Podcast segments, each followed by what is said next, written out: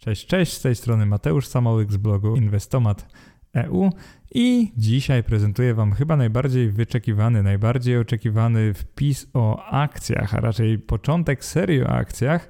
Myślę, że w historii bloga nie było niczego, na co czekalibyście bardziej niż na ten podcast, więc oczywiście mówię to z pewną dozą ekscytacji. Czuję się tak naprawdę podobnie jak wtedy, gdy już ponad rok temu nagrywałem serię o ETF-ach. Tym razem będziemy mówić o akcjach, także temat będzie jeszcze bardziej złożony. Póki co zaplanowałem aż 10 części w tej serii. Kto wie, czy nie będzie ich więcej. Tak naprawdę zobaczymy, jak to wyjdzie w praniu. Myślę, że 10 to jest absolutne minimum. Jeszcze przypomnę Tobie, że gdy nagrywałem i pisałem serię o ETF-ach, to było to 6 części, o obligacjach także 6 części, o rejtach udało mi się zamknąć to wszystko w 5. Jeżeli chodzi o akcje, to jest to temat o wiele szerszy, więc pozwolę sobie tutaj wydać więcej wpisów. Też będzie mną kierowało takie coś, że chcę nagrywać podcasty, może nie krótsze, ale żeby tu było mniej kontentu w każdym, także postaram się skupić. I dzisiaj na wstępie powiem od razu, o czym będzie ten podcast. Zaczniemy od tego, czym w ogóle są akcje spółek giełdowych, po co spółki wchodzą na giełdę, jak przebiega wejście na giełdę, czyli to jest zwykle emisja akcji, po co inwestorzy mieliby w ogóle kupować akcje spółek, a później przejdziemy do tematu takiego bardziej geograficznego, czyli ile jest spółek na polskiej giełdzie, ile jest spółek na giełdach światowych, jaki procent świata stanowi polska giełda, także takie technikalia na sam początek. Następnie, tak jak w tytule, tak dość e, kontrowersyjnie może napisałem, czy da się pokonać rynek, czyli e, omówimy hipotezę rynku efektywnego, którą dotychczas może nie ignorowałem, ale jakoś faktycznie mało o niej mówiłem, także warto o niej wspomnieć. E, omówimy, kiedy rynki są efektywne, kiedy rynki są nieefektywne, dam Wam kilka przykładów i zastanowimy się, czy istnieją w ogóle metody, które umożliwiają pokonanie rynku, czyli selekcję akcji w taki sposób, żeby zawsze zyskiwać więcej niż inni, czy to jest w ogóle możliwe. Na samym końcu będzie część taka praktyczna, jak inwestować w akcje, czyli wybór i prowadzenie konta maklerskiego, zrozumienie kwestii podatkowych, takie podstawy, nauka metod analizy spółek. Oczywiście w tym podcaście tylko może opowiem o tych metodach, natomiast zapowiem kolejne podcasty, w których wejdziemy trochę w większe szczegóły. I oczywiście zbudowanie własnej strategii inwestycyjnej, ponieważ bez strategii to jest naprawdę jak pływanie, bez umiejętności pływania w morzu, bez jakiegoś koła ratunkowego albo kamizelki przynajmniej. Na końcu zrozumienie, że nie trzeba inwestować tylko w akcje, także akcje można wcielić do portfela nawet pasywnego i nie trzeba wybierać same akcje albo same ETF-y na akcje. To jest akurat myślenie błędne i trochę nie rozumiem, dlaczego tak często inwestorzy myślą, że jeżeli już inwestują w samodzielnie wybrane akcje spółek, to muszą inwestować tylko w akcje. To tak nie działa. I na sam koniec yy, najważniejsze, czyli opanowanie emocji. Myślę, że opanowanie emocji to jest klucz. Jeżeli ktoś nie panuje nad swoimi emocjami, to niezależnie czy inwestuje aktywnie czy pasywnie, to nie będzie nigdy dobrym inwestorem lub inwestorką. E, zacznijmy od tego, że tak, czy na moim blogu i w moim podcaście jeszcze nie rozmawiałem w ogóle o akcjach, no to tu byłby duży błąd, ponieważ na przykład seria o rate'ach, no czym są rate'y jak nie podgrupą akcji? Tak naprawdę rate'y to są tylko akcje konkretnych spółek, które inwestują na rynku nieruchomości. Inna sprawa, że dość dużo już mówiłem o akcjach spółek dywidendowych, więc no czym one są jak nie akcjami, więc tak naprawdę w moich wpisach i w moich podcastach bardzo często już przewijał się temat akcji. Teraz spróbuję to pogrupować, e, wszystko opisać w jednym miejscu, zająć się trochę głębiej analizą, pokazać Wam, jakie jest moje rozumowanie w inwestowaniu w akcje i po prostu ułożyć to w taki sposób, żebyście mogli tu wracać, żebyście mogli na spokojnie nauczyć się podstaw różnych rodzajów analiz i tak dalej, i tak dalej. Dlatego początek tego podcastu, no powinien, nie, powinna nim być zapowiedź pozostałych podcastów z serii. Oczywiście nie umiem w tej chwili przewidzieć, jak dokładnie będą brzmieć tytuły tych podcastów, ale na pewno dzisiaj zaczynamy od wpisu i podcastu ogólnego, a później zajmiemy się analizą akcji spółek, czyli podstawami analizy fundamentalnej, Kolejno opowiem Wam o najlepszych źródłach informacji o spółkach giełdowych. To prawdopodobnie też będzie osobny podcast i wpis. Następnie będziemy mieli trzy wpisy analityczne. Pierwszy, jak znaleźć dobrą i tanią spółkę, czyli o inwestowaniu w wartość. Kolejny, jak szukać spółek z potencjałem, czyli inwestowanie we wzrost, czyli tak zwane spółki growth. Następny o spółkach dywidendowych, czyli o tym, jak wybierać spółki dywidendowe, czyli inwestowanie w oparciu o cash flow. Tutaj prawdopodobnie skupimy się na polskiej giełdzie, bo jak pewnie wiecie, jeżeli chodzi o selekcję akcji, no to dużo pewniej, lepiej się czuję w wybieraniu spółek polskich, ponieważ robię to od 8 lat, natomiast spółki zagraniczne tak naprawdę dopiero co 3 lata temu zacząłem wybierać, więc jakby tu jestem dużo bardziej zielony. Kolejnymi tematami wpisów i podcastów będzie to, jak zbudować portfel oparty na akcjach spółek giełdowych, następnie jak prowadzić taki portfel, czyli jak kupować, kiedy sprzedawać spółki, jak ustalić sobie kryteria zakupu i sprzedaży. I na samym końcu serii dwa ostatnie wpisy, podcasty wydaje mi się, że będą o inwestowaniu w spółki zagraniczne, czyli tym razem wyjdziemy za granicę, sprawdzimy czym to się tak naprawdę różni od inwestowania w Polsce. A ostatnim wpisem, takim bardzo specjalnym, podcast, oczywiście pytanie, czy tam w ogóle będzie, bo będzie to o monitorowaniu stanu portfela akcji, czyli o takim arkuszu do monitorowania inwestycji. Obiecuję go Wam od dawna, więc postaram się tym razem złożyć coś choćby minimalistycznego, ale żeby rozpocząć taką dyskusję też z Wami, bo być może ktoś z Was będzie miał lepsze metody niż ja, więc bardzo bym oczywiście prosił w tym ostatnim wpisie podcaście, żebyście komentowali, pisali mi, bo może wspólnie złożymy jeszcze lepszy arkusz do monitorowania e, portfela, w tym przypadku portfela akcji. Myślę, że w ten sposób zamkniemy serię o akcjach. Przed e, nagraniem 10 podcastów czuję się jak przed jakimś maratonem.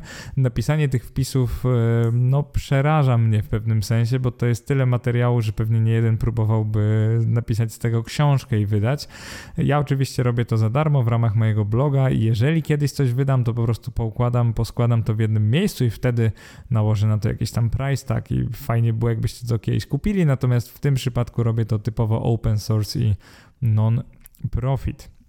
Jeszcze taka rzecz, zanim przejdziemy do tej serii, zwłaszcza dla osób, które słuchają tego, jak już te wszystkie części są wydane i mogą tak naprawdę w ciągu, nie wiem, tygodnia przesłuchać wszystkich części, to zastrzegam, że kolejne podcasty będą opierać się w całości na moim bądź co bądź amatorskim doświadczeniu, które postaram się Tobie opisać jak najlepiej, ale w dużym uproszczeniu. Także jeżeli mówię analiza fundamentalna, to nie będziesz tu miał lub miała książki o księgowości, także nie, nie nauczę tu was wszystkich tajników księgowości, bo a, zanudziłbym was na śmierć, b, po prostu nie zmieściłbym się w czasie, jakby tego się nie da zrobić w takiej formie jak wpisy na blogu i podcasty, nawet jakbym chciał tych wpisów zrobić, nie wiem, 30, to mam wrażenie, że nie wyczerpałbym tematu, nie mówiąc o tym, żebym was po prostu zanudził na śmierć.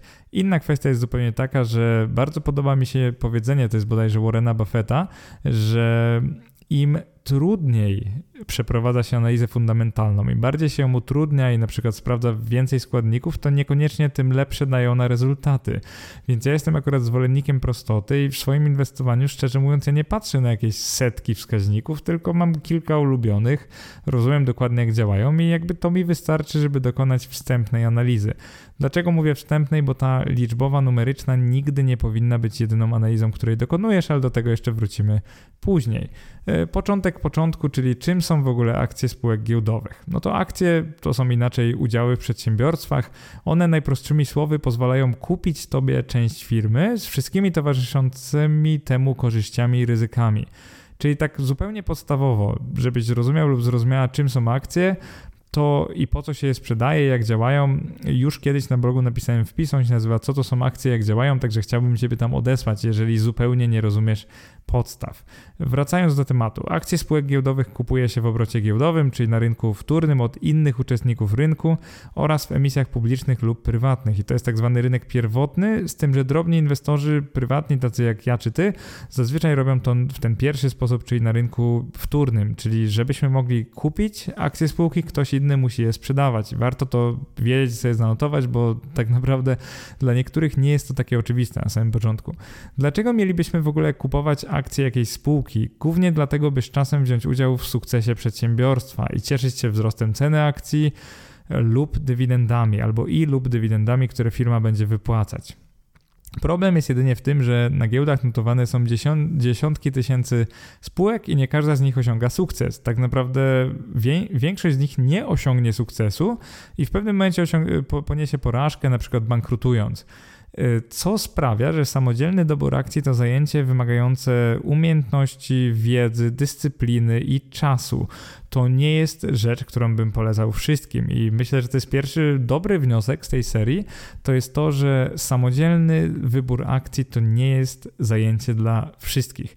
I skoro nie dla wszystkich, to dla kogo? Dla ludzi bardzo inteligentnych? Niekoniecznie, ponieważ często zauważyłem, że ludzie bardzo inteligentni radzą sobie tragicznie na giełdach, bo można być wręcz zbyt inteligentnym na giełdę i wtedy nie, nie być zdyscyplinowanym, czyli nie mieć wtedy strategii lub nie trzymać się tej, którą w teorii przynajmniej mieliśmy. No to prowadzi do bardzo kiepskich wyników inwestycyjnych.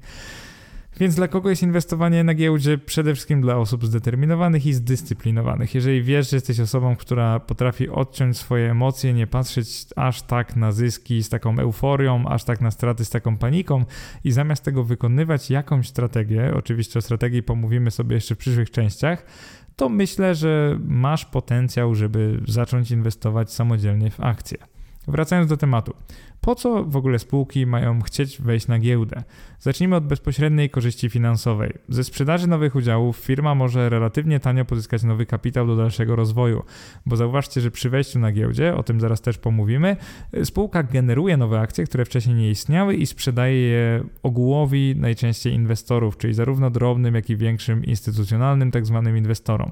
Działa to tak, że tak trochę robi coś z niczego, ponieważ wpuszcza do akcjonariatu nowe osoby, natomiast zwiększa ona swoją wartość w sposób, e, powiedziałbym, trochę sztuczny, ponieważ tych pieniędzy wcześniej nie było, teraz są, nowi akcjonariusze objęli udziały, e, dotychczasowi będą ich oczywiście mieli trochę mniej w tym przypadku procentowo, natomiast działa to tak, że stworzyliśmy pieniądze z niczego trochę, to te pieniądze z niczego trafiają do spółki i spółka oczywiście może nimi obracać, może je zainwestować, zrobić z nimi coś dobrego, zwiększając swoją wartość albo wzmacniając swój wzrost. To także to jest pierwszy benefit dla spółki z tego, że emituje akcje. Drugi jest taki, taki, że wyjście z inwestycji będzie uproszczone od tego momentu dla większych, zwykle obecnych udziałowców. Wyobraź sobie, że spółka miała na przykład trzech udziałowców, nagle wchodzi na giełdę, ma już ich tysiące, natomiast tych trzech ma po, dajmy na to, 20% akcji. To dla nich teraz już nie powinno być większego problemu, żeby zejść z tego pakietu, żeby z części swoich 20% po prostu zejść na giełdzie, sprzedać się na giełdzie i dzięki temu pozyskać kapitał dla siebie. Czyli z perspektywy spółki nic się nie zmienia, po prostu inna osoba ma tę akcję, natomiast ten duży akcjonariusz może spiężyć swoje i zrobić coś innego z tymi pieniędzmi, na przykład zainwestować w inną firmę, otworzyć nową albo po prostu e, kupić sobie wymarzoną willę, dajmy na to. E, także dzięki obecności na giełdzie więksi akcjonariusze mogą prosto sprzedać część swoich już posiadanych akcji. Trzecia rzecz, o której często się nie myśli, to jest zwiększenie renomy firmy i takiej transparentności sprawozdawczej, czyli zarządzania finansami. Spółki notowane na giełdach mają obowiązek publikowania swoich danych kwartalnych, co zwiększa ich wiarygodność. Po prostu muszą publikować dane finansowe, wszyscy publicznie wiedzą, ile taka spółka zarabia ilu ma pracowników chociażby i tak dalej, i tak dalej, na co wydaje pieniądze zazwyczaj, w zależności od e, stopnia skomplikowania sprawozdania finansowego, o których będziemy sobie jeszcze dużo rozmawiać w tej serii, taka firma staje się po prostu bardziej wiarygodna z perspektywy ogółu osób, ogółu ludzi, nie tylko inwestorów. Zauważyłem, że spółki giełdowe, czyli te spółki publiczne, akcyjne, mają też zwykle mocniejszy PR, czyli przez sam fakt bycia spółkami publicznymi, giełdowymi, jakby mogą one więcej od spółek prywatnych, ale to jest też taki czynnik bardziej emocjonalny. Jakie są minusy lub ryzyka związane z wejściem na giełdę, też teraz omówimy. Pierwszym z nich jest ryzyko utraty kontroli nad spółką lub nawet jej wrogiego przejęcia. Jeżeli większość akcji lub głosów jest w rękach więcej niż jednej osoby, to istnieje duże ryzyko, że obcy podmiot spróbuje dokonać tak wrogiego przejęcia spółki. Obecnie akcjonariusze mogą zatem stracić nad nią kontrolę w dość nieoczekiwany sposób. Drugim ryzykiem jest pokusa takiego podrasowywania wyników, takiego sztucznego ulepszania wyników w celu zwiększenia wartości giełdowej akcji spółki. Wiele zarządów spółek ucieka się niestety do takich nieuczciwych zabiegów księgowych tylko po to, żeby pokazać sztuczny zysk netto, którego nie powinno być, żeby zwiększyć cenę akcji na giełdzie, a następnie pozbyć się swoich udziałów. Także zarządy mogą mieć taką pokusę, żeby w jakiś taki średnio uczciwy sposób modyfikować wyniki spółek przez na przykład kilka kwartałów, tylko po to, by ceny ich akcji rosły i żeby oni mogli drożej je sprzedać na giełdzie. E, o tym akurat, e, o analizie finansowej, czyli fundamentalnej, opiszę w częściach e, drugiej, czwartej i piątej.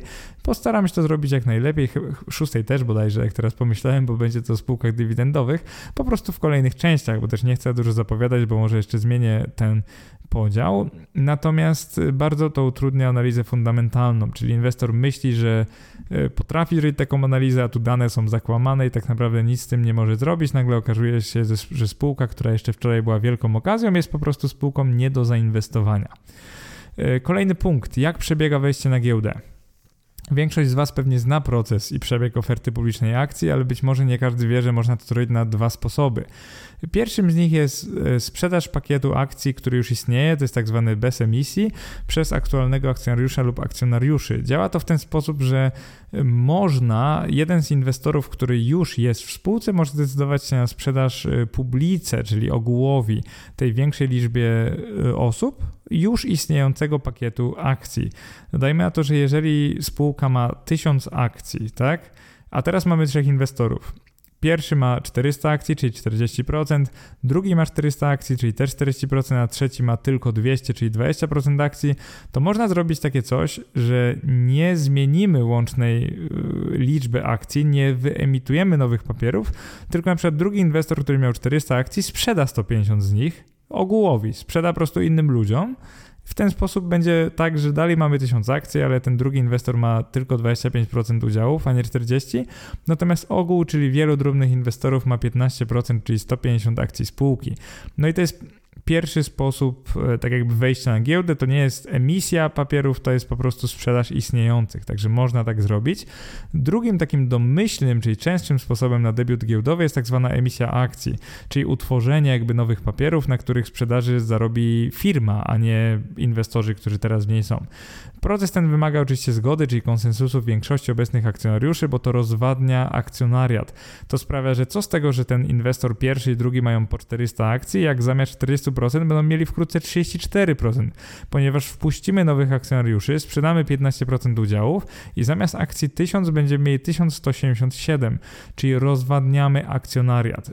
Generujemy nowe akcje, sprawiając, że zwiększa się mianownik. Więc co z tego, że mieliśmy 400 tysięcznych akcji, jak teraz mamy 400 1177, czyli mamy dużo mniej procentowo. Na to muszą się zgodzić akcjonariusze i ma to bezpośrednią korzyść dla spółki, ponieważ wpuszczając tak zwany nowy narybek, często właśnie drobnych inwestorów, mamy po prostu więcej pieniędzy. Spółka zyskuje pieniądze na dalszy rozwój, na inwestowanie, więc jakby może na tym spółka obiektywnie zarobić. Więc co z tego, że poszczególni dotychczasowi inwestorzy jakby tracą część swojego udziału procentowego, jeżeli spółka może zacząć rosnąć tak szybko, że i tak będzie im się to opłaciło. I właśnie to jest ten domyślny sposób wejścia na giełdę, o którym być może słyszeliście. IPO, Initial Public Offering, czyli ta pierwsza publiczna emisja papierów. Y, po co inwestorzy kupują akcje spółek? To pytanie jest y, dość proste. Krótka odpowiedź po to, aby zarobić pieniądze. Y, tradycyjnie już akcje spółek giełdowych przy odpowiedniej dywersyfikacji, czyli rozsmarowaniu portfela po odpowiedniej liczbie spółek, rynków i walut, pozwalają w drugim terminie zarobić pieniądze i to zwykle większe od innych klas aktywów, np. obligacji lub surowców. Kupujący akcje zwykle spodziewa się jednego z dwóch źródeł zysku i na pewno o nich słyszeliście albo jesteście świadomi. Pierwszym z nich jest zysk ze sprzedaży papierów wartościowych w przyszłości, czyli kupujemy za 100 i mamy nadzieję, że sprzedajemy za 200 w pewnym momencie na przykład. Wtedy oczywiście uiszczamy podatek belki od zysku kapitałowego, jeżeli inwestujemy w Polsce to jest 19% zysku, resztę zachowujemy sobie w kieszeni, więc mamy nadzieję, że cena akcji wzrośnie i wtedy sprzedamy papiery. Drugie kryterium zysku to jest oczywiście zysk z otrzymanych ze spółek dywidend. Obecnie w indeksie dużych spółek USA około 75% firm płaci dywidendy. W Polsce jest to niestety jakieś 20-25% przedsiębiorstw, także dużo mniej niż w Stanach Zjednoczonych. O dywidendach na pewno już wiecie. Ci z Was, którzy tu dopiero trafili na mój blog i nie słyszeli o dywidendach, no to Następuje ona wtedy, kiedy spółka dzieli się zyskiem wypracowanym w ciągu roku z akcjonariuszami, no i zwykle to jest kilka procent ceny akcji wypłaca w ramach dywidendy akcjonariuszowi, no i niestety wtedy też aktywuje się podatek belki, także od takiej dywidendy musimy zapłacić 19% tej oryginalnej kwoty wypłaty, także pamiętajcie, że niestety dywidendy są podatkowo nieoptymalne w pewnym sensie, bo jeżeli spółka potrafiłaby to jakoś zainwestować zamiast nam wypłacać i ro rosłaby szybciej, wtedy oczywiście nie mamy gwarancji, że będzie rosła jej cena na giełdzie, ponieważ wartość spółki i jej przychody, zyski i to, co jakby spółka posiada, a cena na giełdzie to są dwie różne rzeczy, o czym oczywiście będziemy mieli jeszcze kilka części, także dzisiaj chyba nie muszę o tym specjalnie opowiadać. Y, poza chciwością lub rozsądkiem inwestorów motywuje także możliwość wzięcia udziału na przykład w walnym zgromadzeniu akcjonariuszy i poczucia się częścią firmy lub w przypadku zakupu większej części akcji możemy realnie wpływać na losy spółki, a nawet przejąć nad nią kontrolę. Także pamiętaj, że no, drobni inwestorzy to jest jedna rzecz, ale więksi mogą nawet spróbować e, taką firmę przejąć na giełdzie. Warto wiedzieć, bo to, to jest taki niuans, ale jeżeli od początku będziesz to rozumieć, no to na pewno inwestowanie w akcje będzie dla ciebie o wiele prostsze. Przejdźmy teraz do części liczbowej, takiej trochę geograficznej, czyli zastanówmy się w ogóle, ile jest spółek na polskiej i zagranicznych giełdach. To jest, y, myślę, też podstawa w inwestowaniu w akcje, żeby rozumieć w zasadzie, jaki mamy koszyk akcji do wyboru. I teraz, czyli gdzieś w drugiej połowie roku 2021 na polskiej giełdzie mamy około, no akcje około 800 spółek. Jeżeli chodzi o tą liczbę, to oczywiście na nią składa się zarówno GPW, jak i New Connect. GPW jest naszą dużą giełdą, New Connect jest małą giełdą, czyli po prostu mniejsze spółki, często takie ala startupy i trochę większe notowane są na New Connectie. Natomiast na GPW, czyli tym takim głównym parkiecie, notowane są raczej większe spółki. Jeżeli chodzi o New Connect, powstał on w roku 2007. Na początku było tam notowane dosłownie kilka spółek, ale imponującym przynajmniej dla mnie jest to, że w ciągu 5-6 lat tam już było notowane 445 spółek. Jeżeli chodzi o GPW, to w tamtym momencie, czyli 7 lat temu, 8 lat temu właściwie, na GPW było 450 spółek i był to taki jedyny rok, kiedy na obydwu parkietach notowana była podobna liczba spółek. No i wtedy też mieliśmy takie maksimum, czyli przez kilka lat łącznie mieliśmy około 900 spółek na polskiej giełdzie. Jeżeli chodzi o to, co się stało później, to już historia. Teraz mamy na giełdzie niecałe 800 spółek. Istnieje taki trend, że mamy coraz mniej spółek na giełdzie. Bierze się to stąd, że spółki albo bankrutują, albo są wycofywane przez właścicieli z giełdy, czyli po prostu wykupują oni akcje, albo przenoszą się z jednego na drugi rynek, e, w tym przypadku z New Connect na GPW. Akurat e, ten trend malejący widać bardziej na New Connectie. Myślę, że ma to związek z tym przechodzeniem spółek z New Connect na GPW, ale na GPW też on jest bardzo jaskrawy w ostatnich latach, także niestety mamy trend spadkowy w liczbie spółek, ale z drugiej strony, jeżeli mamy szukać pozytywów, to dzięki temu no, odsiewa się te najgorsze przedsiębiorstwa, więc w pewnym sensie giełda sama weryfikuje jakość firm, no i te, które są na niej od kilkunastu lub kilku już niedługo dziesięciu lat, bo oczywiście giełda istnieje teraz od 30 lat, nasza giełda polska w tej nowożytnej wersji, to jest pewien rodzaj takiej, no może nie gwarancji jakości, ale gwarancji przynajmniej stabilności. Także zapamiętaj około 800 spółek na polskiej giełdzie. I ile jest wtedy spółek na całym świecie? Według statystyk Banku Światowego, do których się dokopałem w roku 2020 na wszystkich światowych giełdach notowanych było około 43 tysiące spółek. Także GPW niecały tysiąc, łącznie 43 tysiące, obecnie już pewnie 44 tysiące. Jest zatem w czym przebierać. Jeżeli chodzi o procent światowych spółek, no to mamy całkiem sporo, tak? To jest prawie 2%, jeżeli spojrzymy na liczbę spółek. E, powiem Wam szczerze, że skoro ja mam problem z ogarnięciem, tak w cudzysłowie, wszystkich polskich spółek, czyli z taką analizą i no, po prostu świadomością tym, co się dzieje we wszystkich polskich spółkach, ja na przykład no, nie mam takiego pokrycia analitycznego, jestem jedną osobą, jeszcze jestem zajęty tym blogiem, także absolutnie nie mam na to czasu, no to wyobraź sobie, jakie trzeba mieć zaplecze, żeby znać, rozumieć, co się dzieje w każdej z tych 44 tysięcy spółek. E, pod względem liczby notowanych spółek na giełdzie jesteśmy naprawdę wysoko. Na pierwszym miejscu są Indie, to jest ponad 5000 spółek, na drugim miejscu Stany to jest około 4200 spółek, nie jest źle.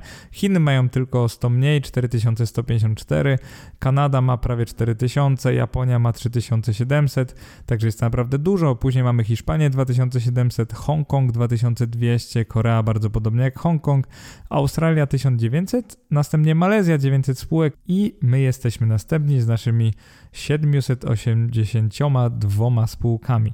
Nie jest tak źle. Naprawdę jesteśmy w ścisłym światowym topie, jeżeli chodzi o liczbę spółek. To może Was trochę dziwić. Przede wszystkim zadziwi Was to, że na przykład Niemcy mają na giełdzie notowane spółek mniej od nas, bo 438. Także jeżeli ktoś chciałby wreszcie z czymś e, królować nad Niemcami, wygrywać z Niemcami, no to wygrywamy liczbą spółek na giełdzie. Oczywiście niestety nie wygrywamy wartością tych spółek, bo wartość naszej giełdy jest wiele, o wiele, wiele niższa od giełdy niemieckiej. I teraz ważniejsze pytanie, bo liczba spółek to jest jedno, ale inwestor powinien zastanowić się, jaki procent świata, jaki udział w światowej kapitalizacji spółek, giełd y, stanowi polska giełda. Kapitalizacja to jest nic innego niż wartość giełdowa, czyli tutaj nie mówimy już o liczbie spółek, bo można mieć nawet, no nie wiem, milion spółek, ale jeżeli każda będzie warta po kilkanaście e, tysięcy, no to oczywiście łącznie nie jesteśmy za dużo warci, ale wyobraźcie sobie, że mamy duże spółki, takie porządne, wielkie światowe konglomeraty, to oczywiście nasza giełda może mieć ich kilka, natomiast i tak być, e, liczyć się na świecie. Jeżeli chodzi o Polskę, no to no cóż, nie jesteśmy może w czołówce. E, polska giełda w chwili obecnej stanowi, w zależności od tego, jaki indeks sprawdzamy, około 0,1% światowej kapitalizacji spółek, czyli 1,1%. 10 setnych. Mówię akurat o składzie MSCI ADSWI, to jest ten indeks y, MSCI, w którym należymy do rynków rozwijających się, czyli emerging markets. Y, dla przykładu i porównania Stany Zjednoczone obecnie to jest 60% tego indeksu, Japonia to jest 6%, Chiny niecałe 4%, Wielka Brytania niecałe 4%, Francja 3%, Kanada 3%, Szwajcaria 2,5%, Niemcy 2,3%. I wracamy tutaj do Niemiec a nas. Także Niemcy są warte na giełdzie, niemieckie spółki giełdowe są warte 25 albo nawet 27 razy więcej niż nasze spółki. Także co z tego, że mamy tych spółek 800, a Niemcy mają około 400, jak nasze spółki są warte no, wielokrotnie mniej od spółek niemieckich. Także powiedziałbym, że to jest bardzo istotne, żeby zrozumieć, jak mały ułamek inwestowania na całym świecie to jest inwestowanie w Polsce. To jest akurat bardzo, bardzo ważne. Jeżeli byśmy zauważyli jeszcze, ja, ja bym tutaj polecał zauważyć jedną rzecz. Y, zauważcie, że to nie jest tak, że skoro nasze spółki giełdowe są warte 0,1% światowej giełdy, to my jesteśmy jakoś y, no, nieliczącą się, powiedzmy, potęgą świata, bo to nie o to chodzi. Jeżeli chodzi o udział w światowym PKB na przykład, to Polska jest o wiele silniejsza, ponieważ generuje około 1% światowego PKB, co już wcale nie jest tak, takim złym wynikiem, więc jakby 1% światowego PKB, a 0,1% spół nasze spółki giełdowe, to oznacza, że albo u nas jeszcze bardzo wiele dużych spółek nie jest notowane na giełdzie, albo nasze spółki giełdowe są niedoceniane względem innych giełd i spółek giełdowych. To nie jest takie proste matematycznie, ale po prostu to, co chcę Wam przekazać, to to, że my nie jesteśmy aż tak słabi na świecie, po prostu nasza giełda no, ma wiele spółek, ale one są warte bardzo mało, tak w skrócie. Jest kilka gigantów, oczywiście jeszcze nie tak niedawno CD Projekt, Allegro, e, kilka tych e, państwowych gigantów typu Orlen, natomiast w dużej mierze jesteśmy jeszcze giełdą taką, no, niszową, dość malutką. Także to jest akurat wiadomość dla, dla osób, które myślą, że wystarczy inwestować na polskiej giełdzie. No to mam dla Was o tyle złą wiadomość, że naprawdę warto, nawet jak zdecydujecie się na inwestowanie w akcje po tej serii lub w trakcie tej serii, to warto jest mieć w portfelu czy to spółki zagraniczne, czy to nawet y, waluty zagraniczne, czy tam obligacje w walutach zagranicznych, czy indeksy zagraniczne w postaci ETF-ów, ponieważ no po prostu opłaca opłaca się też wyjść poza polską giełdę, nawet jeżeli się w niej będziecie specjalizować. Druga część podcastu, czyli czy da się pokonać rynek, tutaj będzie trochę o e, tym, czy w ogóle warto inwestować w akcje. I to jest chyba najważniejsza konfrontacja poglądów w tym wpisie, jeżeli nie w tej serii. Bez niej pisanie serii o akcjach i nagrywanie podcastów o akcjach właśnie w ramach tej serii moim zdaniem nie miałoby w ogóle sensu. Zauważcie, że blog Inwestomat EU koncentrował się na razie głównie na ETF-ach, inwestowaniu pasywnym albo takim półaktywnym, więc byłoby takim lekkim pas, gdybym nagle zaczął y, nagrywać i mówić tylko o inwestowaniu aktywnym. Choć wielu inwestorów twierdzi, czyli pisze w internecie, mówi w podcastach, że próba pokonywania rynku to taka walka z wiatrakami, najlepiej ją od razu odpuścić, to ja tutaj akurat bym się nie zgodził. Uważam, że przy odpowiedniej dozie przygotowania i dyscypliny można śmiało pokusić się o próbę pokonania rynku. Dodam nawet, że inwestując aktywnie, i, aktywnie to jest cudzysłów, bo ja nie zawieram wielu transakcji, yy, Także nie mylcie tego ze spekulacją. Aktywnie u mnie polega tylko na tym, że dobieram spółki, a nie kupuję indeksów można nie tylko zwiększyć, ale też zmniejszyć swoje ryzyko inwestycji. No bo jakbyśmy wzięli cały indeks i gdybyśmy odsiali najbardziej ryzykowne spółki, jakkolwiek to jest mierzone, to byśmy mieli taki lepszy indeks, a nie gorszy. Więc jakby e, chciałbym krótko wskazać pewne logiczne zależności między inwestowaniem pasywnym a inwestowaniem aktywnym, których mainstream wydaje mi się, że czasami nie dostrzega. Pierwszy punkt. Zwolennicy inwestowania pasywnego twierdzą, że inwestując w szerokie indeksy minimalizują ryzyko, ponieważ idealnie dywersyfikują, czyli rozkładają ryzyko na dziesiątki, setki, tysiące spółek. I w tym jest pewien meryt, w tym jest pewna prawda, ale zgodnie z powyższym inwestowanie w samodzielnie dobrane spółki byłoby zawsze bardziej ryzykowne od inwestowania w indeksy, ponieważ drobny inwestor nie jest w stanie wybrać, kupić i posiadać na swoim rachunku więcej niż kilkudziesięciu spółek, więc siłą rzeczy, mając mniej spółek, twój portfel jest bardziej zmienny, ponieważ jak każda z tych spółek będzie miała pewien ruch w górę czy w dół, no to zazwyczaj on bardziej wpłynie na twój portfel niż jakbyś miał lub miała tysiące spółek. E, czym właściwie jest ryzyko inwestycyjne? Bardzo ważne pytanie. W moich oczach jest ono takim nieprzygotowaniem na najgorszą rzecz, która może nastąpić na rynkach. To jest moja definicja. W ostatnich latach ryzyko wydaje mi się, że jest mylone niesłusznie ze zmiennością aktywów, bo zmienność według mnie jest tylko jedną z miar ryzyka. E, także zmienność to nie ryzyko samo w sobie. Nie wszystkie ryzykowne aktywa są bez przerwy zmienne oraz nie wszystkie aktywa o mocno fluktuujących cenach, czyli bardzo zmienne, są z natury ryzykowne. Wobec tego aktywny wybór najbezpieczniejszych, oczywiście cokolwiek to znaczy, bo dojdziemy do tego w kolejnych częściach podcastu, spółek z wybranego rynku może zmniejszyć, a nie zwiększyć ryzyko inwestycyjne inwestora. Także to, co chcę Wam powiedzieć, że odpowiednio na przykład tani zakup aktywów, niezależnie czy będą to spółki z dużym czy z małym potencjałem, ale jeżeli kupimy je odpowiednio tanio, no to dywersyfikując nawet na 30 spółek, możemy zrobić indeks, który będzie lepszy, mniej ryzykowny na zasadzie niż indeks szerokiego rynku. Jeżeli powyższe jest dla Ciebie trochę zawiłe, to dodałbym tutaj krótką analogię. Wyobraź sobie, że w indeksie giełdowym masz na przykład 500 spółek. 500 spółek, to może być nawet S&P 500. I część z tych spółek to przyszłe perełki, a część to przyszli bankruci, ponieważ tak to działa. Ci bankruci będą z giełdy kiedyś usunięci. I zgodnie z moją filozofią inwestycyjną nie warto jest usiłować typować tych przyszłych gwiazd giełdy, ponieważ po pierwsze nie umiem tego robić, po drugie myślę, że nikt nie umie tego robić i nawet jeżeli kupisz 10 spółek z wielkim potencjałem, to jeżeli jedna z nich będzie przyszłym takim jednorożcem, kolejnym Applem lub Googlem, no to no, chwała ci za to, że źle wytypowałeś lub wytypowałaś, ale to jest naprawdę trudne. Więc zamiast typować przyszłe gwiazdy, ja bym sugerował skupić się na eliminacji spółek niepewnych, czyli tych mało zyskownych, źle zarządzanych, takich spółek z problemami, które mają po prostu gorszy potencjał od innych. Czyli właśnie w głównym nurcie ekonomiczno-giełdowym dla mnie istnieje trend mówiący, że nie ma sensu starać się pobić rynku. Bo ze względu na taki idealny obieg informacji, wiecie, mamy internet, mamy tysiące, setki tysięcy inwestorów, nikt nie ma w teorii przewagi nad innymi inwestorami, a więc ceny aktywów są w każdym momencie no, idealne, jakby idealnie odzwierciedlają prawdziwą wewnętrzną wartość spółek. I z tym, z tą hipotezą, to się nazywa właśnie hipoteza rynku efektywnego, tak, no ona ma pewien meryt, ale nie do końca się z nią zgadzam. I teraz Wam opiszę, o co w niej chodzi i dlaczego się z nią nie do końca zgadzam. Hipoteza rynku efektywnego była oryginalnie przedstawiona i sformułowana przez ekonomistę profesora Eugene E. Fama. E, hipoteza efektywnego rynku zakłada albo zakładała trzy możliwości. E, takie warianty, powiedziałbym, siłowe. Najsłabsza z nich to była hipoteza, słaba hipoteza rynku efektywnego. Ona głosiła, że w cenach akcji tych obecnych znajduje się przeszłość, czyli przeszłe wyniki finansowe, historyczne ruchy cenowe na akcjach spółki itd. Tak itd. Tak to by oznaczało, że analiza techniczna nie ma sensu, ponieważ to, co już się zrealizowało, już się zrealizowało i nikt nie zna prawej części wykresu, natomiast analiza finansowa fundamentalna, czyli sprawozdań spółek oraz tak zwany insider trading, czyli jeżeli się nigdy nie spotkałeś, spotkałaś z tym określeniem insider trading, to jest to po prostu wykorzystywanie nielegalne takich informacji, których nie powinniśmy mieć. One mogłyby wtedy przynieść ponadprzeciętne rezultaty.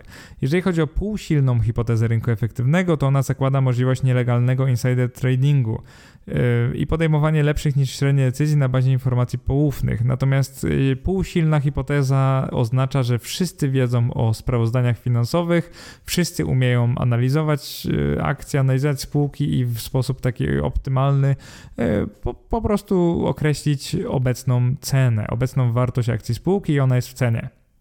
Silna hipoteza rynku efektywnego, ona głosi, że ceny akcji w pełni oddają informacje dostępne zarówno publicznie i prywatnie, także ona mówi, że wszyscy wiedzą wszystko i w sposób identyczny rozumują na ten temat, więc tak jakby ceny akcji są idealne i żadna analiza nie ma sensu, bo w długim terminie nikt nie jest w stanie pobić rynku. Mniej więcej to mówi hipoteza rynku efektywnego, no i ona jest hipotezą, dlatego że no, ciężko jest ją udowodnić, ciężko jest jej zaprzeczyć. Ona ma swoich fanów, natomiast ma równie dużą grupę antyfanów, ponieważ jeżeli ktoś jest tak zwanym wyznawcą tej hipotezy, no to prawie zawsze powie, że inwestowanie aktywne kompletnie nie ma sensu i warto to robić tylko na sposób pasywny. Oczywiście jest w tym jakiś meryt, zaraz dojdziemy do tego, zaraz Wam opowiem, kiedy rynki są efektywne, natomiast powiedziałbym, że równie łatwo jest się do niej przyczepić albo ją jakoś, za, choćby anegdotycznie, y, dowieść, że jest błędna i bardzo często rynki były bardzo nieefektywne, jak się z nią zgodzić i powiedzieć, tak, rynki w dużej mierze są efektywne. I często zwolennicy inwestowania pasywnego dodają, że skoro profesjonaliści, czyli profesjonalni zarządcy funduszy nie potrafią w długim terminie pobić rynku, patrz na przykład te raporty z piwa przez V, czyli wyniku inwestycyjnego czystego indeksu nie da się pobić albo trudno jest to zrobić, to jak miałby to zrobić drobny inwestor, taki jak ty czy ja? No i moim zdaniem fani czy fanatycy inwestowania pasywnego pomijają tu zupełnie dwie przewagi, które drobni mają nad wielkimi. I to jest dla przykładu. Inwestując małymi kwotami można kupić akcje każdej, nawet bardzo małej spółki, dajmy na to z New Connecta. Inwestorzy instytucjonalni nie mają tego luksusu, oni mają do dyspozycji bardzo duże pieniądze, duże kwoty, co często wymusza inwestowanie w wielkie, często inwestycyjnie nieatrakcyjne spółki. E, druga rzecz to to, że drobni nie mają presji wyników, która trapi profesjonalnych zarządzających funduszami inwestycyjnymi. Oni tak bardzo nie chcą przegrać z indeksem, że zaczynają go replikować tylko przy większych kosztach. A nie da się wygrać z indeksem, mając duże koszty roczne, np. 1-2%, a próbując go replikować. Tak naprawdę wtedy pokonanie rynku nie jest praktycznie możliwe. I problemem jest to, że profesjonaliści nie dostaną premii, a mogą nawet być zwolnieni, jeżeli ich fundusz akcji nie pobije indeksu w jakimś tam krótkim terminie, a na długi termin zwykle nikt nie patrzy. No i to buduje taką presję, której drobni nie mają. Ja na przykład nie muszę pobić e, indeksu. Nikt nie spodziewa się nie wiadomo jakich wyników po mnie. Jak będę miał swoje 10% rocznie w złotym co roku, to jestem super szczęśliwy. Więc y, no jakby zobaczcie, jaka jest różnica. Nie mam tej presji wyników, mogę robić co chcę z pieniędzmi i układam sobie taki portfel, jak mi pasuje i nie przejmuję się, że ktoś mi będzie marudził, że nie mam jakichś tam wyników. A już nie daj Boże wycofa pieniądze z mojego funduszu, że będę musiał na siłę sprzedawać akcje, jak będą na przykład bardzo tanie. A tak się dzieje w funduszach inwestycyjnych, co jeszcze bardziej zaniża ich wynik. Kiedy rynki są efektywne? Tutaj trochę pocytujemy Wikipedię, bo to będzie definicja efektywnego rynku z Wikipedii, więc aby rynek można było określić jako efektywny, musi spełniać on następujące założenia teoretyczne. Podkreślam teoretyczne. Po pierwsze, działa na nim nieskończona liczba uczestników i każdy z nich niezależnie od innych wycenia wartość akcji, dążąc do maksymalizacji zysku przynoszonego przez te akcje. Przede wszystkim nieskończona liczba uczestników to jest dość trudne do wykonania. Ta liczba może zmierzać do nieskończoności, ale zwykle liczba jest bardzo skończona i ta niezależność od innych, no to sami siebie zapytajcie, czy nie bierzecie udziału w jakichś dyskusjach, czy nie pytacie kogoś, czy nie macie sparring partnera inwestycyjnego, czy naprawdę podejmujecie decyzje giełdowe niezależnie od innych, no bo mało osób tak robi. Ja się staram tak robić, ale no, to nie jest y, proste. Zawsze prawie będziecie bazować jeszcze na opinii przynajmniej jednej innej osoby. Druga sprawa to to, że działanie pojedynczego inwestora nie jest w stanie zmienić ceny akcji. No to tutaj też bym polemizował, bo bardzo duży inwestor, na przykład fundusz, jest w stanie zmienić ceny akcji, jeżeli to jest mała spółka. Więc y, na rynku efektywnym nie byłby w stanie zmienić tych cen. Kolejna sprawa to to, że komunikaty mogące wpływać na wartość firm są generowane w sposób nieskorelowany. E, ciężko to wyjaśnić, tak naprawdę ciężko to zrozumieć, ale chodzi o to, że po prostu komunikaty są wypuszczane wtedy, kiedy powinny, wszyscy dostają je w jednej chwili, tak? Czyli są te informacje otrzymywane natychmiast. Kolejny punkt to to, że informacje są bezpłatne i docierają do wszystkich uczestników rynku natychmiast i właśnie to by zaprzeczało insider tradingowi. To by znaczyło, że uczciwie uczestniczy, bym powiedział, że pracownicy spółki nie inwestują w, albo nawet nie mówią innym, że warto zainwestować w akcje danej spółki i wszyscy natychmiast wiedzą to samo o tym, co się dzieje ze spółką. Kolejny punkt, który sprawiłby, że rynki byłyby efektywne, to to, że koszty transakcji by nie istniały, czyli one by nie wpływały na decyzje, by jakby transakcje były za darmo, można było dokonywać ich ciągle i nikt by nie myślał o tym, że są na przykład drogie i przy określonej kwocie nie chciałby na przykład sprzedawać. Kolejna sprawa to to, że każdy z inwestorów musiałby mieć takie samo zdanie co do kierunku wpływu informacji na cenę waloru oraz tą samą oczekiwaną stopę zwrotu. To jest dla mnie dość śmieszne, bo myślę, że o ile w uśrednieniu inwestorzy chcą zyskać rocznie jakieś 7, 8, 9 lub nawet 10%, czyli pewnie około 8%, to ich satysfakcjonuje rocznie, no to wiadomo, że nie każdy ma takie same oczekiwania wobec rynku, a już w ogóle śmieszy mnie to, że kierunek wpływu informacji na cenę waloru też może być no dwojaki, może być różny. Jak spółka e, ogłasza na przykład, że mm, nie wiem, będzie nowa linia produktowa, no to jedna osoba może pomyśleć, że to wpłynie dobrze na spółkę, a druga, że źle. Więc w zależności od tego, jakie masz w tej chwili informacje i opinie o spółce, to oczywiście wpłynie inaczej na Twoje zdanie i wycenę tej spółki. E, ostatnie jest chyba dla mnie najbardziej przewrotne, ponieważ według hipotezy efektywnego rynku, żeby one mogły być efektywne, horyzonty inwestycyjne wszystkich graczy giełdowych musiały być jednakowe. Problem mam taki, że oczywiście, że horyzonty inwestycyjne nie są jednakowe. Inwestorzy tacy jak ja mogą mieć bardzo długi horyzont, spekulanci mogą mieć horyzont jednodniowy, no i nic z tym nie zrobimy. Więc krótko mówiąc, rynki są i mogą być efektywne jedynie w teorii, bo nie wyobrażam sobie sytuacji, w której wszystkie powyższe punkty, a tak naprawdę jakikolwiek z nich, byłby spełniony w 100% dla, dla wszystkich obecnych na giełdzie inwestorów. Więc to, czym lubię konkludować rozważania o hipotezie efektywnego rynku, to są, no po pierwsze, te założenia są nierealistyczne, dlatego to jest hipoteza, ona będzie spełniona tylko jeżeli powyższe też, a jakby powyższe nigdy nie są spełnione, więc dochodzimy do takiego paradoksu naukowego, że no to jest tylko hipoteza, więc świetnie brzmi na papierze, ale niestety no, nikt tego nie zaobserwował. Ale chyba najlepszym lekarstwem na wiarę w rynki efektywne jest to, jak spojrzymy sobie na kilka momentów, w których rynki były skrajnie nieefektywne. No i nie trzeba tutaj y, szukać daleko. Z moich obserwacji, właściwie od czego zależą ceny akcji, od, kiedy one na przykład rosną. E, indeksy i akcje drożeją, kiedy na przykład spółki notują coraz lepsze wyniki finansowe, albo spółki nie notują lepszych wyników, ale mimo to płacą coraz wyższe dywidendy, bo to też jest często w cenach. E, trzecie kryterium to jest to, że sytuacja makroekonomiczna regionu jest dobra, na przykład mogłoby rosnąć PKB kraju, na przykład Niemiec i wtedy często też ich giełda tego kraju będzie no, wychodzić na plus, no bo oczywiście jak PKB to i wyniki spółek, e, często PKB rośnie dopiero po tym jak giełda wzrosła, bo wyniki spółek mogły być wcześniej niż odczyt PKB. E, czwarte kryterium na temat akcji spółki lub spółek krążą plotki o pozytywnym wydźwięku i to jest bardziej kryterium spekulacyjne, że jeżeli są plotki pozytywne, to oczywiście cena akcji może rosnąć, no kto wie czy nie będzie rosła. No i piąte to jest taka atmosfera na giełdzie. Jeżeli ona jest optymistyczna, na giełdzie panuje euforia, wszystkim się wydaje, że akcje będą już rosły no, po wsze czasy, to oczywiście ceny spółek, ceny akcji mogą rosnąć.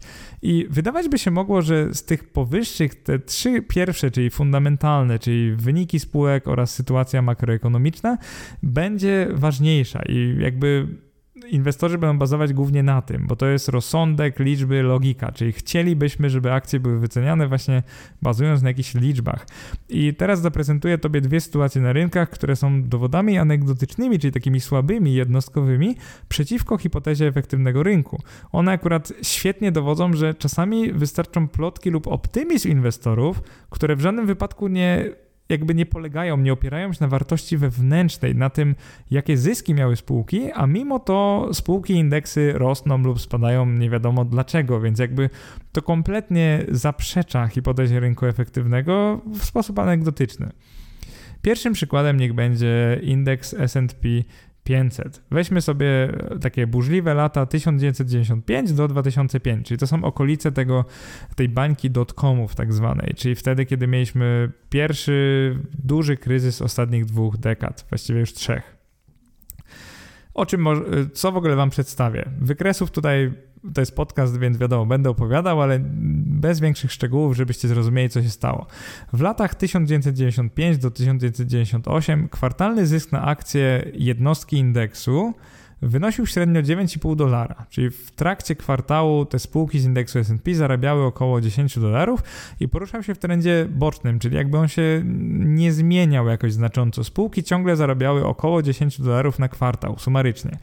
Amerykańscy inwestorzy giełdowi mimo to głosowali swoimi pieniędzmi i podnieśli cenę amerykańskich akcji z 550 do 1100 dolarów za jednostkę indeksu. Także mimo, że spółki łącznie zarabiały 10 dolarów, no to inwestorzy zmienili cenę tego indeksu, cenę jednostki z 550 do dwukrotności, czyli 1100 dolarów.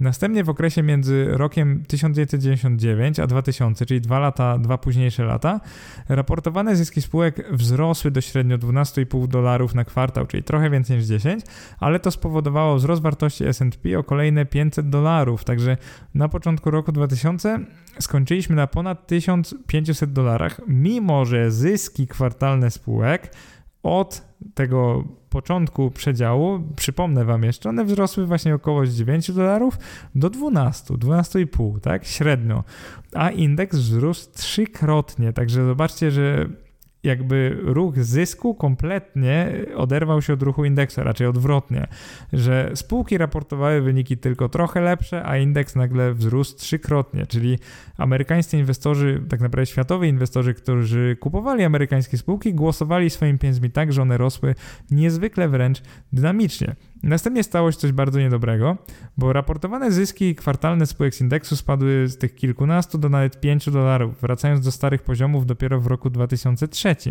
W tym czasie indeks S&P 500 stracił ponad 50% swojej wartości i on wrócił z tego 1500 do poziomu 800 dolarów amerykańskich za jednostkę indeksu. I najważniejszą obserwacją powinno być to, że choć w roku 2004 i 2005 amerykańskie spółki raportowały znacznie lepsze wyniki niż te z roku 2000, to indeks był wart wtedy około 1200 dolarów, mimo że przypomnę, na szczycie tym wcześniejszym był wart 1500. Więc jak można nazwać rynek efektywnym, jeżeli raz płaci się 1500 dolarów za kwartalny zysk na poziomie 13, innym razem płaci się 1200 dolarów za kwartalny zysk na poziomie 15 dolarów. Już nie mówiąc o tym, że w tych latach 95-98 indeks dynamicznie rósł, mimo że spółki z indeksu praktycznie nie notowały lepszych wyników finansowych, więc jakby jeżeli wzrosty indeksu nie są podyktowane lepszymi wynikami spółek z tego indeksu, no to pytanie moje brzmi, czym są wtedy warunkowane, bo szczerze mówiąc nie potrafię powiedzieć. No dobra, w pewnym sensie wiem, czym są podyktowane albo czym były. Y, odpowiedź brzmi emocjami inwestorów, także moje już pewne dziesięcioletnie doświadczenie na giełdzie pozwala powiedzieć, że te wzrosty były dyktowane emocjami. Ludzie po prostu spodziewali się nie wiadomo czego, więc akcje rosły, ale rosły w sposób o wiele szybszy niż zyski indeksu, więc w naturalny sposób one się później ochłodziły i doszło do takiej paradoksalnej sytuacji, kiedy ten indeks, spółki z indeksu zaczęły zarabiać na kwartał nawet 15, 16, 17 dolarów. Przypomnę, że na początku było to 10, a one były warte bardzo podobnie yy, ich ceny, jakby wartość indeksu była bardzo podobna do momentu, kiedy spółki zarabiały 9 dolarów na kwartał. Także to, co chcę Wam powiedzieć, że na giełdzie są momenty, kiedy cena się odkleja od wartości. Powiedziałbym nawet więcej. Wydaje mi się, że na giełdzie przez większość czasu cena jest odklejona do wartości. Pytanie jest, w którą stronę jest odklejona. Na przykład w tych czasach, czyli rok 2020, 2021, wydaje się mi personalnie, że jesteśmy na poziomach wyższych niż historycznie. E, Pewne metody mi akurat pozwalają wyliczenie tego, no ale chociażby można sobie narysować pod analogiczny wykres, jak zrobiłem tutaj i wyjdzie nam, że te zyski spółek po prostu rosną dużo wolniej niż poziom indeksu, więc w pewnym sensie płacić teraz więcej za zysk spółek, ale to jest oczywiście moje subiektywne zdanie. Drugi, bardziej szokujący przypadek, który w pewnym sensie udowadnia anegdotycznie, że rynki nie są efektywne, to jest cena akcji spółki GameStop w latach 2009-2021. Pewnie niektórzy z Was kojarzą to, co się stało, to można powiedzieć afera GameStop w roku 2021, natomiast warto jest znać także historię. Spójrzmy sobie na ostatnie kilkanaście lat zysków tej spółki oraz poziomu notowań jej akcji. GameStop średnio historycznie zarabiał około 2 2-2,5 dolara rocznie. To, to był zarobek na akcję. Później on wzrósł do 3,5 dolarów. Tam w latach 2013 do 16 spółka zarabiała około 3,5 dolara rocznie. Zawsze była bardzo cykliczna, czyli w okolicy grudnia, czyli czwartego kwartału zawsze zarabiała więcej niż w innych e, miesiącach, także ta cykliczność była normalna. Natomiast warto jest wiedzieć, co się działo z zyskami akcji, a z jej ceną. Spółka GameStop historycznie była notowana na poziomach tak 25 do 51 dolarów. Powiedziałbym, że cały przedział w latach 2009-2017 to był 16 do 54 dolarów za jedną akcję. Także możecie sobie w głowach zapamiętać, że GameStop zwyczajowo był notowany za 16,54 dolary, natomiast w tych latach spółka zarabiała pomiędzy 2 a 3,5 dolara rocznie. Także gdy zarabiała 2 dolary, była notowana za około 20, gdy zarabiała 3,5 za około 54. Tak naprawdę nie trzeba tu dużo rozumieć, po prostu inwestorzy spodziewali się pewnego wzrostu. I teraz co się stało z notowaniami spółki? E, ciężko aż to uwierzyć, ponieważ e, bardzo mocno spadły jej wyniki. Do tego, że cena akcji spadła do 2,5 dolara, czyli przypomnę tyle, co kiedyś spółka zarabiała w ciągu roku, to kilka lat później za tyle były notowane jej akcje, dokładnie w roku 2019, później 2020. Także z tych kilkudziesięciu dolarów e, spółka spadła, jeżeli chodzi o cenę akcji, do nawet 2,5 dolara, czyli naprawdę bardzo mało. I teraz dlaczego spółka tak staniała? Powody są wielorakie. Przede wszystkim zaczęła notować straty i to duże straty. Od roku 2018 zamiast zarabiać około 2-3 dolarów rocznie, ona zaczęła tracić 5-6 dolarów rocznie. Także na akcję oczywiście, więc wyobraźcie sobie, że coś, co, czego cena akcji wynosiła na przykład 30 dolarów, nagle spala 6 dolarów w ciągu y, roku. To jest bardzo dużo, więc inwestorzy oczywiście zaczęli panikować i sprowadziło to cenę akcji tak z 25 dolarów na właśnie 2,5 dolara, czyli bardzo mało. I teraz co się stało w roku 2021? Mimo, że obserwujemy w ostatnich latach taki lekki wzrost e, zysków, zyskowności tej firmy, to dalej jest ona łącznie na stracie, także w każdym roku dalej przynosi ona stratę. Natomiast cena akcji GameStopu wzrosła, uwaga, uwaga, e, z 2,5 dolara do 483. W zasadzie w styczniu tylko 2021 roku cena akcji wzrosła z 17 do 483 dolarów. I po, podkreślam, 483 dolary za spółkę, która nawet w dobrych czasach zarabiała 2 lub 3 dolary rocznie. No to wyobraźcie sobie, jaki to jest. No nie wiem, jak to nazwać. Nie chcę, wiecie, przeklinać w moich, moich podcastach, ale no to nie jest zachowanie rozsądne. Ciężko jest mi jakkolwiek je wyjaśnić właśnie emocjami, tym, że inwestorzy się skrzyknęli, natomiast kupują coś, co traci pieniądze, przynajmniej na razie, za 500 dolarów. Za akcję coś, co spala na przykład dolar, czy 2, czy 3 dolary rocznie. Nie trzeba być omnibusem, nie trzeba być ekspertem w analizie rynków oraz analizie papierów wartościowych, żeby wiedzieć, że to jest po prostu zachowanie nieracjonalne. I wobec tego dochodzimy do pytania, czy są metody umożliwiające pokonanie rynku? Jak już znamy wątpliwości dotyczące właśnie możliwości pokonania rynku, czyli czy inwestowanie aktywne w ogóle ma sens, Czy ono w ogóle może przebić inwestowanie pasywne? No to tak. Przede wszystkim wiemy, że hipoteza efektywnego rynku jest tylko hipotezą, ponieważ y, istnieje bardzo dużo czynników, które musiałyby zaistnieć, żeby rynek był efektywny, więc możemy założyć, że on nie jest efektywny, a przynajmniej nie zawsze jest efektywny. Wobec tego, czy inwestowanie aktywne ma sens dla wszystkich? Czy pokonywanie rynku jest możliwe, czy ono jest proste? I tutaj znowu poszedłbym za Warrenem Buffettem, jednym z moich największych giełdowych idoli, i powiedział, że przez brak dyscypliny i opanowania, które zwykle zdobywa się z doświadczeniem, właśnie w większości inwestorów ciężko jest pobić rynek. Pobijanie rynku jest e, proste w sensie metodyki, natomiast nie jest łatwe. E, ciężko jest okiełznać swoją psychikę na tyle, opanować emocje na tyle, żeby trzymać się E, strategii, jaka by ona prosta nie była, ponieważ e, w inwestowaniu na giełdzie, zwłaszcza w analizie fundamentalnej, czyli finansowej, czyli analizie liczbowej, e, nie jest tak, że im bardziej skomplikowana jest metoda, tym lepsze zapewnia ona wyniki inwestycyjne. Wręcz czasami jest przeciwnie. Można mieć bardzo prostą metodę i mieć bardzo dobre wyniki w długim terminie, tak długo jak się trzyma pewnej strategii. I jakie są metody na pokonanie rynku, według mnie przynajmniej? Można po pierwsze kupować akcje spółek, które są w niełasce, czyli przez to da się je kupić taniej od ich wartości wewnętrznej, oczywiście cokolwiek ta wartość znaczy, no bo głównym, główną trudnością jest policzenie wartości wewnętrznej, czyli takiej prawdziwej wartości spółki. O tym akurat y, będziemy mówić w części drugiej i czwartej cyklu. Y, druga metoda to jest kupowanie akcji spółek, które poprawiają swoje wyniki finansowe y, i to po prostu jest takie inwestowanie, można powiedzieć, w quality, w jakość, w spółki dobre, niekoniecznie tanie i niekoniecznie rozwojowe, po prostu spółki dobre. Y, trzecią metodą jest kupowanie niezależnie od ceny zwykle akcji spółek we wcześniej fazie rozwoju, które mają potencjał do eksponencjalnego wzrostu w przyszłości. To jest właśnie polowanie na jednorożce, to jest próba znalezienia spółek typu growth. To jest o tyle fajne, że kupimy 10 Mm, spółek do portfela i trafimy nawet jedną, no to zwykle nawet jak pozostałe 9 zbankrutuje, to ta jedna pozwoli nam po latach wyjść na plus. To jest bardzo ciekawe, bo tutaj nie liczymy na wzrost stuprocentowy, a przynajmniej kilka tysięcy procent w ciągu na przykład 10 lat. E, problem z polowaniem na jednorożce, czyli inwestowaniem typu growth jest taki, że no nie jest proste. Spróbujemy je umówić za kilka części w tym cyklu, gdzieś tam wspólnie robiąc taką analizę, ale tak jak powiedziałem, to nie jest proste. Ostatnia możliwość na pokonanie rynku to jest według mnie aktywny handel z dźwignią, często bazujący na historycznych ruchach cen akcji indeksów oraz na obserwacjach zachowań i emocji innych inwestorów. Często tu się włącza analiza techniczna, analiza behawioralna. To ostatnie to jest najbardziej sztuka z tego wszystkiego. To na pewno nie jest rzemiosło, e, to jest 100% sztuki. Ja w tym akurat nie jestem dobry. Niektórzy nazywają to spekulacją. E, fakty są takie, że większość osób traci na tym pieniądze i taka próba podążania za rynkiem na lewarze dodatkowo Lewar tłumaczyłem w ostatnim podcaście, często kończy się dla inwestorów tragicznie. Więc jeżeli nie chcesz musieć liczyć na to, że znajdziesz się w tym top 15 czy tam 10% spekulantów, którzy zarabiają pieniądze na giełdzie, bo reszta traci w długim terminie, to myślę, że najlepszą metodą jest nauczyć się inwestować w akcje.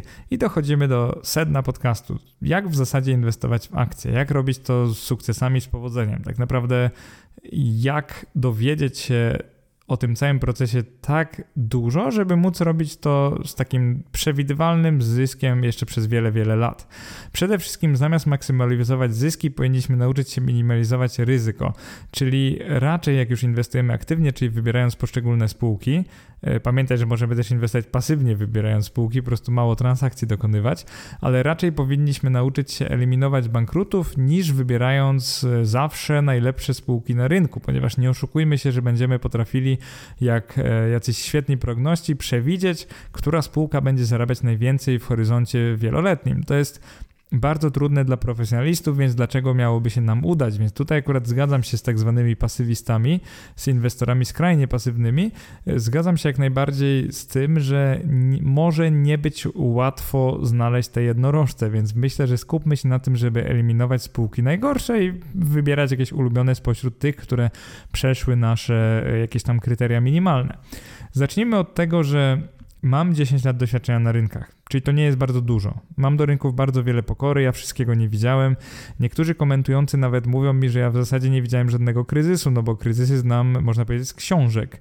E, największe, które ja przeżyłem, to było na samym początku roku 2011, później ta chińska sprawa w roku 2015 i oczywiście covidowy dołek w roku 2020. I wobec tego, jak ja sam reagowałem na te sytuacje, takie kryzysowe, no nie reagowałem. Także znam siebie na tyle, żeby wiedzieć, że jak leje się krew, to ja mogę nie sprzedać. Nie mam problemu, żeby nie sprzedawać i to mi wychodzi bardzo dobrze, więc pamiętajcie, że może jakby uczycie się od laika, od amatora, bo niewątpliwie nim jestem, to udawało mi się nie reagować na sytuację paniki. Y, powiem szczerze, że nigdy nie miałem tylu środków na koncie w jakichś obligacjach, żeby móc na przykład zakupić wtedy taniejące akcje lub nigdy nie miałem odwagi, żeby to zrobić, ale przynajmniej nie sprzedawałem wtedy tego, co mam. Y, mam taką nadzieję, że w następnym kryzysie, tym głębszym, będę miał wtedy więcej środków na obligacjach, żeby móc kupić wreszcie tanie akcje, czyli pójść na zakupy. E, także od takiej osoby słuchacie teraz podcastu, jeżeli jeszcze mnie nie znaliście. E, podstawy to jest wybór i prowadzenie konta maklerskiego, to jest numer jeden. Upewnij się, że masz odpowiedni zasięg inwestycyjny, czyli masz dostępne rynki instrumenty finansowe, które e, wystarczą tobie. Czyli na przykład, jeżeli chcesz inwestować za granicą, no to upewnij się, że twój makler lub broker oferuje spółki zagraniczne, no bo oczywiście nie każdy to oferuje. Jeżeli na przykład masz dostęp do polskiej giełdy i chcesz trochę inwestować za granicą, to może zacznij od wybierania tylko polskich spółek, ale kupuje ETF-y zagraniczne. Czyli jakby zoptymalizuj ten proces, nie przesadzając, czyli wybierz taki zasięg inwestycyjny, jaki jest dla ciebie konieczny, ale nie większy, ale też nie mniejszy. Druga sprawa to koszty transakcyjne i opłaty bieżące. Moim zdaniem należy dobierać konto maklerskie tak, aby przy kwotach, które chcesz inwestować, prowizje transakcyjne były jak na nasze kwoty i rynki, na których inwestujemy, jak najniższe. Czyli obecnie na przykład dla samej polskiej giełdy najtańsze będzie konto w domu maklerskim BPS, a do giełd zagranicznych konto maklerskie FXTB, ale to jest tylko sytuacja w tej chwili. To się może dynamicznie zmienić, więc oczywiście uważaj na to, jakie, które domy maklerskie są w tej chwili najtańsze i wybierz taki, żeby tobie wyszedł jak najtaniej. Kolejnym kryterium jest często niedoceniana prostota obsługi interfejsu i też rozliczenia podatkowego. Dla mnie powyższe jest dość drugorzędne, ale niektórzy mogą preferować zagranicznych brokerów ze względu na bardziej nowoczesne interfejsy graficzne, a inni z kolei maklerów polskich ze względu na uproszczony sposób rozliczenia podatkowego, czyli to, że z transakcji oni nam przyślą ten PIT 8C, więc nie będziemy musieli wszystkiego ręcznie na piechotę rozliczać, tylko otrzymamy te, nazwijmy to papierki, na bazie których możemy rozliczyć nasz formularz PIT 38. E, ostatnia rzecz to bezpieczeństwo środków. No nie zapominaj o tym, że większość tradycyjnych domów i biur maklerskich będzie oferowała trochę większe bezpieczeństwo niż jakaś tam nowoczesna platforma brokerska, na której nawet nie wiesz, czy pieniądze właściwie gdzie są i czyje są. Także zanim założysz pierwsze konto maklerskie, zrób odpowiedni research, dowiedz się, że jest bezpieczne, że te środki będą faktycznie twoje, że te akcje będą należeć do ciebie lub przynajmniej być w jakimś tam rejestrze, gdzie pada twoje imię, bo inaczej możesz się przykro zdziwić w pewnym momencie, także uważaj na to. E, drugi punkt to zrozumienie kwestii podatkowych. Nie powinno się inwestować w akcje bez zrozumienia tego, jak optymalizować e, no, podatki, kwestie podatkowe. E, w Polsce najprostsze to jest oczywiście używanie kont IK i IGZE. To, to jest chyba najprostsza optymalizacja, bo w długim terminie unikamy podatku belki, ale też drugą optymalizacją podatkową jest na przykład nie używanie konta, który, przez które nie możesz złożyć formularza identyfikującego się jako polskiego podatnika, czyli W8BEN na przykład w Stanach Zjednoczonych, czyli nie dawanie spółkom pobrać 30% wypłacania dywidendy, no bo to w długim terminie działa naprawdę koszmarnie na naszą stopę zwrotu. Więc optymalizacja podatkowa w kontekście giełdowym polega głównie na tym, że stosujemy konta IK i IGZE, ale też nie dajemy pobrać spółkom zbyt dużego odsetku naszego, no, naszej dywidendy, nie? E, kolejna rzecz, to jest proste e, w teorii, czyli nauka metod analizy spółek. Mamy do czynienia z analizą techniczną, fundamentalną, makroekonomiczną, pewnie też behawioralną można wyróżnić, ale w żadnym wypadku nie przerobimy w tym cyklu wszystkich z nich. Ten cykl się będzie skupiał na fundamentalnej, głównie trochę na makroekonomicznej, bo ja się w nich jakby trudnie, natomiast e, przerobimy je w trybie uproszczonym, ponieważ tych no, kilku lub nawet kilkunastu wpisach i podcastach nie uda nam się omówić 100% zagadnienia, natomiast uda nam się poruszyć jakieś e, podstawy, jakby zainteresować Was. Moim głównym celem będzie właśnie zainteresowanie Was tymi metodami i pokazanie Wam, że bez znajomości tych metod nie ma co się w ogóle, tak kolokwialnie mówiąc, pchać w analizę, w ogóle w inwestowanie w akcje. Także to być może uświadomi przynajmniej niektórym z Was, że inwestowaliście przez lata bez takiej elementarnej wiedzy, że tak naprawdę nie wiecie, dlaczego kupowaliście akcje spółek, no i to mogło dla Was działać różnie.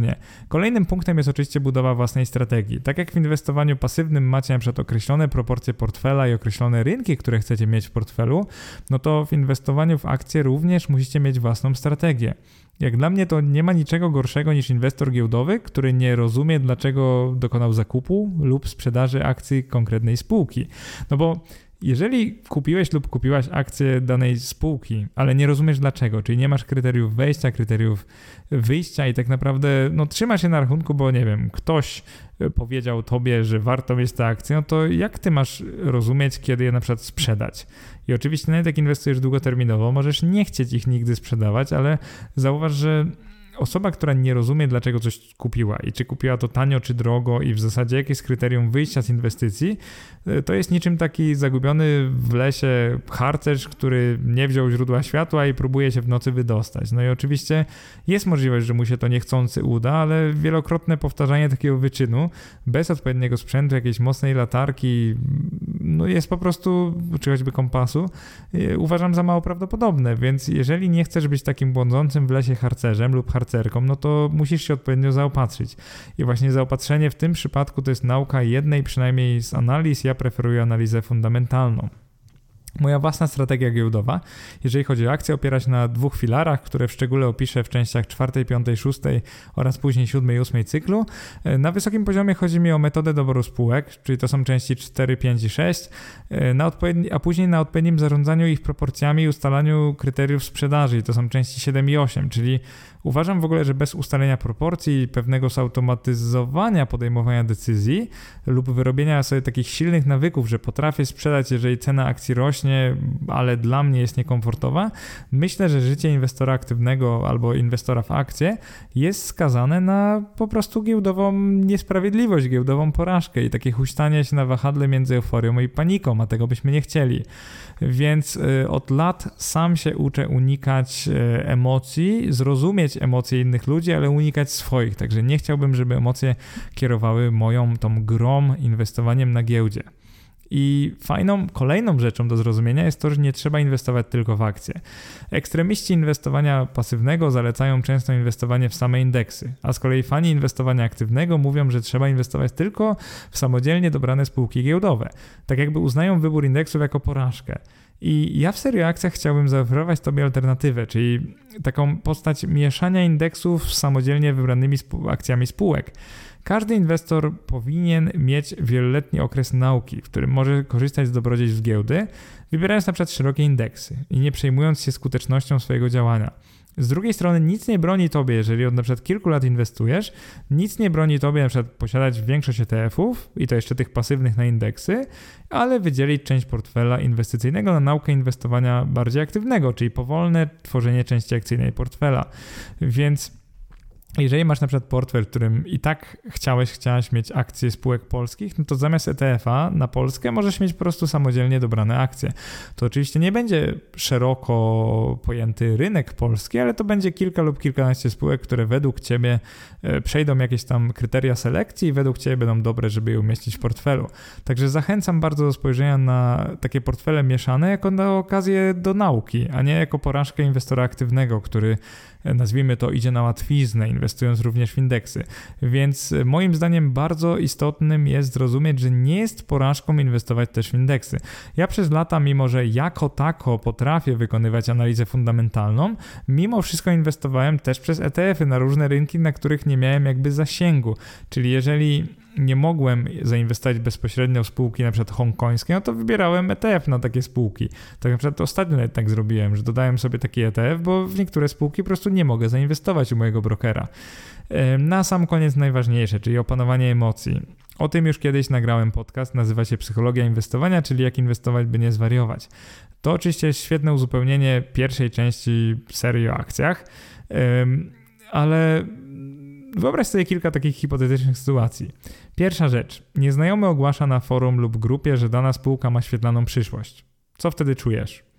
Mm, większość osób, zwłaszcza początkujących, będzie czuło, że może i warto wskoczyć do tego wagoniku, może i warto wskoczyć do pociągu, przyjrzeć się tej spółce, ale może nawet od razu jej, ją kupić, kupić jej akcję. No to ja mam taką reakcję, że nigdy nie kupiłbym akcji spółki, tylko dlatego, że ktoś pisze na forum, że nie wiem, jutro jej cena wzrośnie o 20%. Nawet jeżeli tak będzie, nawet jeżeli ja się mylę, ta osoba ma rację, to nigdy nie kupuję czegoś, czego nie rozumiem, a tym bardziej czego nie rozumiem, dlaczego miałbym kupić. Druga sytuacja. Wszyscy twoi znajomi, na przykład w pracy, mówią o debiutującej na giełdzie spółce technologicznej i oni na przykład obiecują, że pierwszego dnia jej cena wzrośnie o 100%.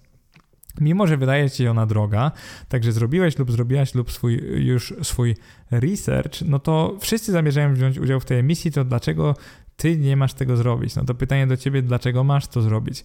Jeżeli nie widzisz sensowności tego przedsięwzięcia, jeżeli według ciebie ta spółka jest droga, no to tylko dlatego, że ostatnie pięć emisji to był wynik, nie wiem, plus 100%, to nie znaczy, że ta też będzie. Także poleganie na opiniach innych to nie jest dobry pomysł. E, trzecia sytuacja to jest to, że inwestorzy panikują, bo na przykład kwartalne wyniki spółki są gorsze od oczekiwań, więc jej kurs leci jednego dnia o 30% czyli spada o 30%, no to usiądź na spokojnie, przeanalizuj wieloletnie przychody i zyski tej spółki. Zastanów się, czy nie warto jej za tą cenę na przykład kupić. Czyli takie podejście, że jeżeli coś mocno spada, to myślisz nie o tym, żeby to sprzedać, ale żeby kupić. Jeżeli już masz, to możesz dokupić więcej, jeżeli nie masz, możesz w ogóle wejść w taką e, inwestycję. Oczywiście spadek o 30% nie oznacza z automatu, że to jest dobra inwestycja. Natomiast nie traktuj tego jak gorącego kartofla tylko dlatego, że inni tak chętnie się tego pozbyli. E, taki spadek ceny akcji, co są często bardziej emocje niż fundamenty i może być, że ten ruch był po prostu bezsensowny, tak, że ta cena wróci do starych poziomów, bo na przykład to był jeden gorszy kwartał, a nie permanentnie gorsze wyniki, czyli sytuacja spółki mogła się nie zmienić tak diametralnie, że ona będzie permanentnie notować dużo gorsze wyniki. No i podsumowując cały pierwszy wpis serii o akcjach, gdybym nie uważał, że rynek da się pokonać, to we wpisach portfelowych chociażby i podcastach portfelowych e, nie przyznawałbym się Wam do tego, że samodzielnie dobieram akcje spółek giełdowych. E, gdybym jednak chciał pokonywać rynek niezależnie od wszystkiego, a nie tak jak ja chcę, czyli skromnie, jedynie osiągając założone przez siebie na stronie o blogu, możesz to poczytać, 10% brutto rocznie, to z pewnością na całym swoim portfelu podejmowałbym dużo większe ryzyko inwestycyjne, czyli takie, na które nie jestem gotowy. E, uważam ten podcast e, za taki, jakby to powiedzieć, wstępniak. On ma swoją rolę taką, że macie nie tyle co zachęcić do inwestycji w akcje pojedynczych spółek, tylko nakreślić ramy tego procesu, czyli już teraz wiesz, że na spółkach światowych jest 40 kilka tysięcy różnych spółek. Macie nauczyć tego, że większość y, rynku światowego to Stany Zjednoczone, a Polska to jest tylko 0,1%. Natomiast y, jeżeli dotychczas byłeś lub byłaś fanką hipotezy efektywnego rynku, to chciałbym słowem zakończenia zwrócić Twoją uwagę, że o ile ona działa w niektórych momentach na niektórych rynkach, no to według mnie y, przez większość czasu to są od niej takie odstępstwa, drobne lub większe, które pozwalają zdyscyplinowanemu inwestorowi, takiemu jak ja czy ty, zarobić więcej pieniędzy niż inni. Także wydaje mi się, że inwestowanie w akcje ma sens. Oczywiście zweryfikuję to kolejne 40, mam nadzieję, lat mojego inwestowania, bo mam nadzieję, że będę przez tyle lat jeszcze inwestował. Bardzo Tobie dziękuję i do następnego podcastu. Do usłyszenia. Cześć.